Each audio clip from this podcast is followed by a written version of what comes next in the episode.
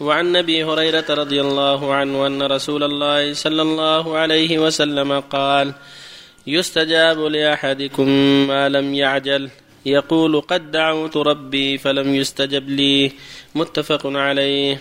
وفي رواية لمسلم لا يزال يستجاب للعبد ما لم يدع بإثم أو قطيعه رحم ما لم يستعجل. قيل يا رسول الله ما الاستعجال؟ قال يقول قد دعوت وقد دعوت فلم ر يستجيب لي فيستحسر عند ذلك ويدع الدعاء. وعن أبي أمامة رضي الله عنه قال قيل لرسول الله صلى الله عليه وسلم أي الدعاء أسمع؟ قال جوف الليل الآخر ودبر الصلوات المكتوبات. رواه الترمذي وقال حديث حسن.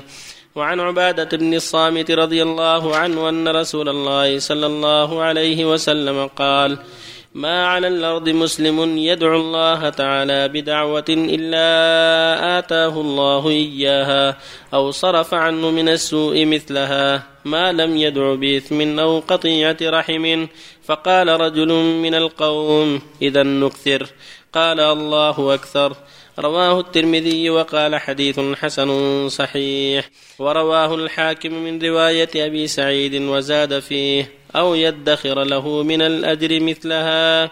وعن ابن عباس رضي الله عنهما أن رسول الله صلى الله عليه وسلم كان يقول عند الكرب لا إله إلا الله العظيم الحليم لا إله إلا الله رب العرش العظيم لا إله إلا الله رب السماوات ورب الأرض ورب العرش الكريم.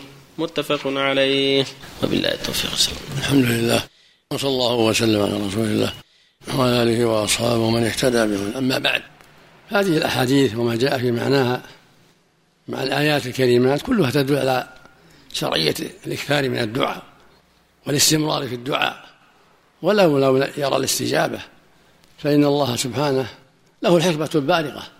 فقد يؤجل الدعوة إلى أمد ليجتهد العبد في الدعاء ويلح في الدعاء ويستقيم على الحق. ويحاسب نفسه ويجاهدها لله فتكون هذه الحاجة من أسباب صلاحه ومن أسباب توفيق الله له.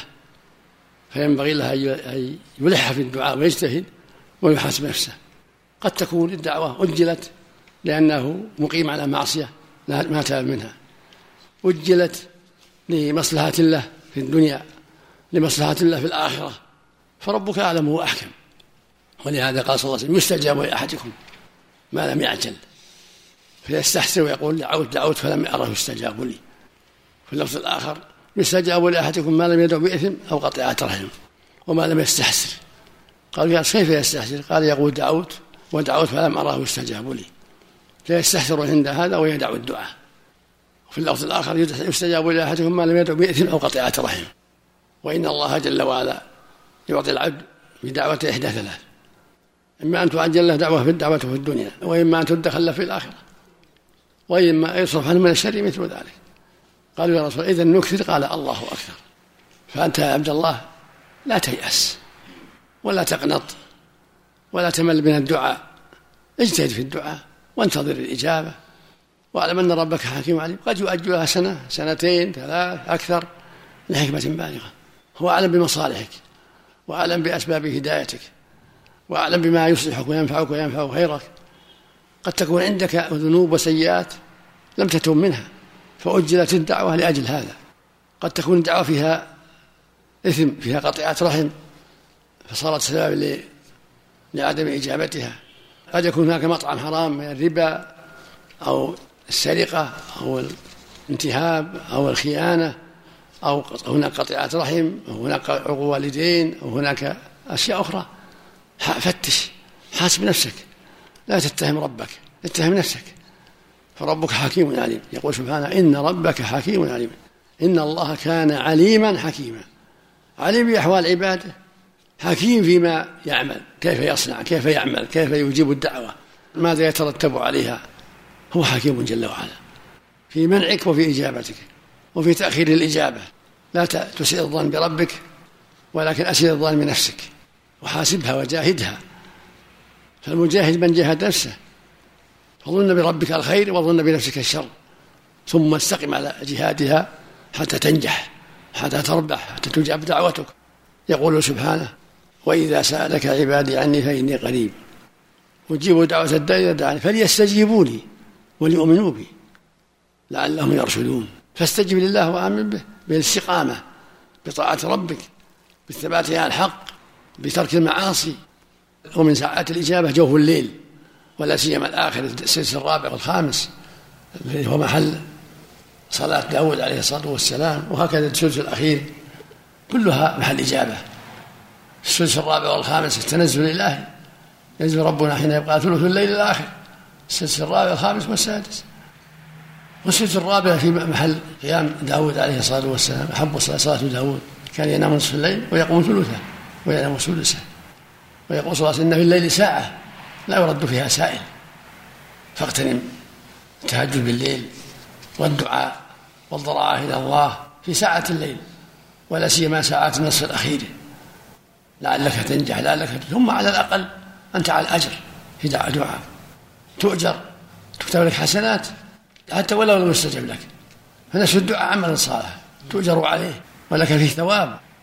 ثم لك أيضا أمر آخر وهو أن ما من عبد يدعو الله بدعوة لأخيه إلا قال الملك المؤكل آمين ولك مثله في دعوة لوالديك أو لإخوانك المسلمين أو لشخص معين بالتوفيق والهداية وصلاح الحال قال الملك الموكل آمين ولك مثله.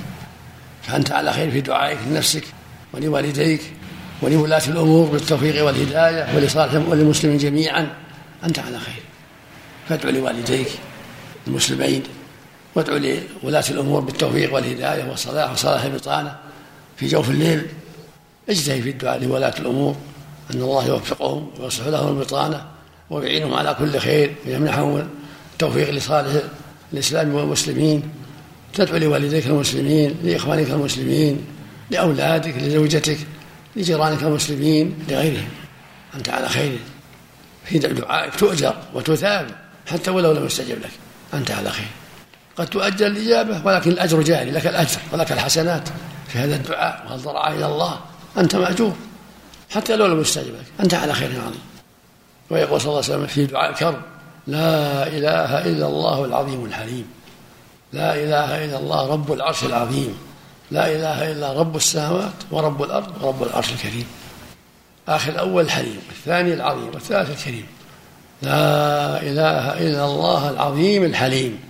لا إله إلا الله رب العرش العظيم. لا إله إلا الله رب السماوات ورب الأرض ورب العرش الكريم. تذكر الله تدعو مع هذا الذكر تدعو ربك. تسأله خير الدنيا والآخرة. اللهم يسر لي ذرية صالحة. اللهم يسر لي زوجة صالحة. اللهم يسر لي رزقا حلالا. اللهم اصلح ولاة أمرنا. اللهم وفقهم لكل خير. اللهم أصلح لهم بطانة. اللهم صب بهم الحق. اللهم اعذهم بطانة السوء. اللهم اغفر لوالدي اللهم اجزهم عندي خيرا إذا كانوا مسلمين اللهم أصلح إخواني المسلمين اللهم وفقهم إلى الخير اللهم أصلح قلوبهم وأعمالهم وهكذا.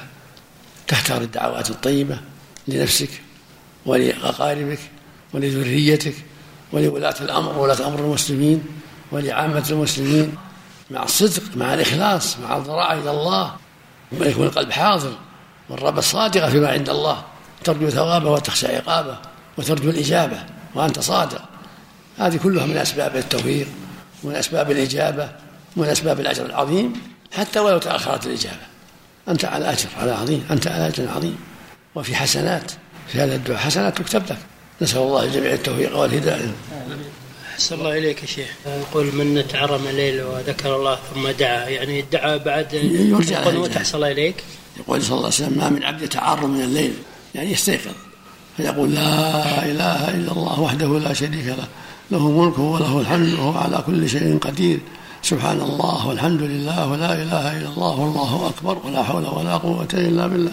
ثم يقول اللهم اغفر لي أو يدعو يستجاب له. فإن قام وصلى قبلت صلاته هذا من أسباب الإجابة. إذا أتى بهذا الذكر ثم قال اللهم اغفر لي أو دعا اللهم أصلح لي اللهم يسر لي زوجة صالحة اللهم أصلح ذرية طيبة إلى غير هذا. هذا من أسباب الإجابة. فإذا قام مع هذا توضأ وصلى وليقبل الصلاة. هذا في الصحيح حديث عبادة. حديث عظيم صحيح. ينبغي يعني الدعاء قبل الصلاة ولا بعد؟ الصلاة؟ قبل الصلاة وبعد قبل الصلاة. قبل الصلاة. وفي الصلاة وبعد الصلاة كلها أثابك الله قوله الله أكثر. أكثر إجابة وأكثر خيرا منك أيها العبد. أكثر إجابة وأكثر خيرا سبحانه. أحسن الله عليك يا شيخ. توضيح مسألة ارتباط القدر بالدعاء. لا يرد قدر معناه أن الله جل وعلا كتب كل شيء وقد يعلق بعض الأشياء بأفعال العبد. يكون هذا مقدر زواجه مقدر بدعوته زواجه مقدر بعمله الصالح الفلاني حجه صلاته صدقاته أقدار قسمان. قسم مبتوث فيه ما هو معلق بشيء. مثل الموت وأشباهه. هذا لا حيلة فيه. نعم؟ وقسم معلق. فلان يطول عمره لأنه سوف يصلي وسوف يصل رحمه قد كفى الله هذا. فهو يوفق ييسر لما خلق له من صلة الرحم من الصدقات التي هي أسباب طول عمره وهدايته. الله يجزيه خير. الله اعملوا فكل ميسر لما خلق له. يجوز رفع أما أهل السعادة فيسر لأعمال أهل السعادة وأما أهل الشقاوة فيسر لأعمال أهل الشقاوة. أشياء مربوطة بأقدارها. نعم. يجوز رفع الكفين أثناء الدعاء يا شيخ؟ نعم. رفع الكفين أثناء الدعاء. سنة من أسباب الإجابة. بعد الفرض ولا بعد السنة؟ في كل وقت. إلا فيما يتعلق بالأوقات اللي ما رفع فيها النبي صلى الله عليه وسلم. مثل بعد الفريضة ما يرفع لأن الرسول ما رفع فيها. مثل خطبة الجمعة خطبة العيد لا يرفع إلا إذا استسقى. كان النبي يدعو في الخطبة ولا يرفع يديه خطبة الجمعة والاستسقاء والعيد. أما إذا استسقى يرفع يديه في الجمعة أو في الاستسقاء أو في أي مكان إذا دعا الاستسقاء يطلب الغيث الغيث من الله يرفع يديه هذه السنة ويرفع الناس أيديهم. وهكذا إذا دعا في غير ذلك دعا في بيته دعا في سيارته دعا في طائرته دعا في مصلاه يرفع يديه من أسباب الإجابة. إلا المواضع التي ما رفع فيها النبي. إذا سلم من الفريضة لا يرفع. ما كان النبي يرفع بعد الفريضة. بعد الفريضة لا ظهر ولا عصر ولا مغرب ولا عشاء ولا ما كان يرفع في هذا عليه الصلاة والسلام. ولا بين السجدتين ولا في آخر الصلاة ما كان يرفع. يدعو بدون رفع. لأن الرسول ما كان يرفع. بالنسبة دعاء اللهم إني لا أسألك رد القضاء ولكن أسألك لا هذا ما له أصل لا يقبل اللهم إني أسأل الخير كله ومن الشر كله. يحرم الدعاء. يسأل ربه الخير يستعيذ بالله من الشر. هذا المشروع. يحرم الدعاء بذلك. لا يعني رد القضاء ولا كسب الرد قال هذا ما لها طيب. اللهم إني أسألك الخير كله وأعوذ من الشر كله. اللهم إني أشكو إليك ضعف قوتي. يصح إلى النبي صلى الله عليه وسلم؟ ولا لرواته وقلته للنبي وغير النبي يصح. لكن يروى عن النبي لما انصرف من الطائف لكن في سنده في سنده نظر. لكن يروى عنه لما انصرف من الطائف لما رد عليها للطائف. دعا بقنوت النوازل. إنه تعبه ماشي كلام طيب ما في شيء أحسن الله عليك يا شيخ. هل ورد نص في رفع اليدين أثناء القنوت؟ نعم في القنوت إنه كان رفع يديه في قنوت النوازل قنوت الوتر مثله. الأصل مثله الأصل مثله يعني كله كله قنوت كله دعاء. اللي اعلم النص في قنوت النوازل وقنوت الوتر مثله.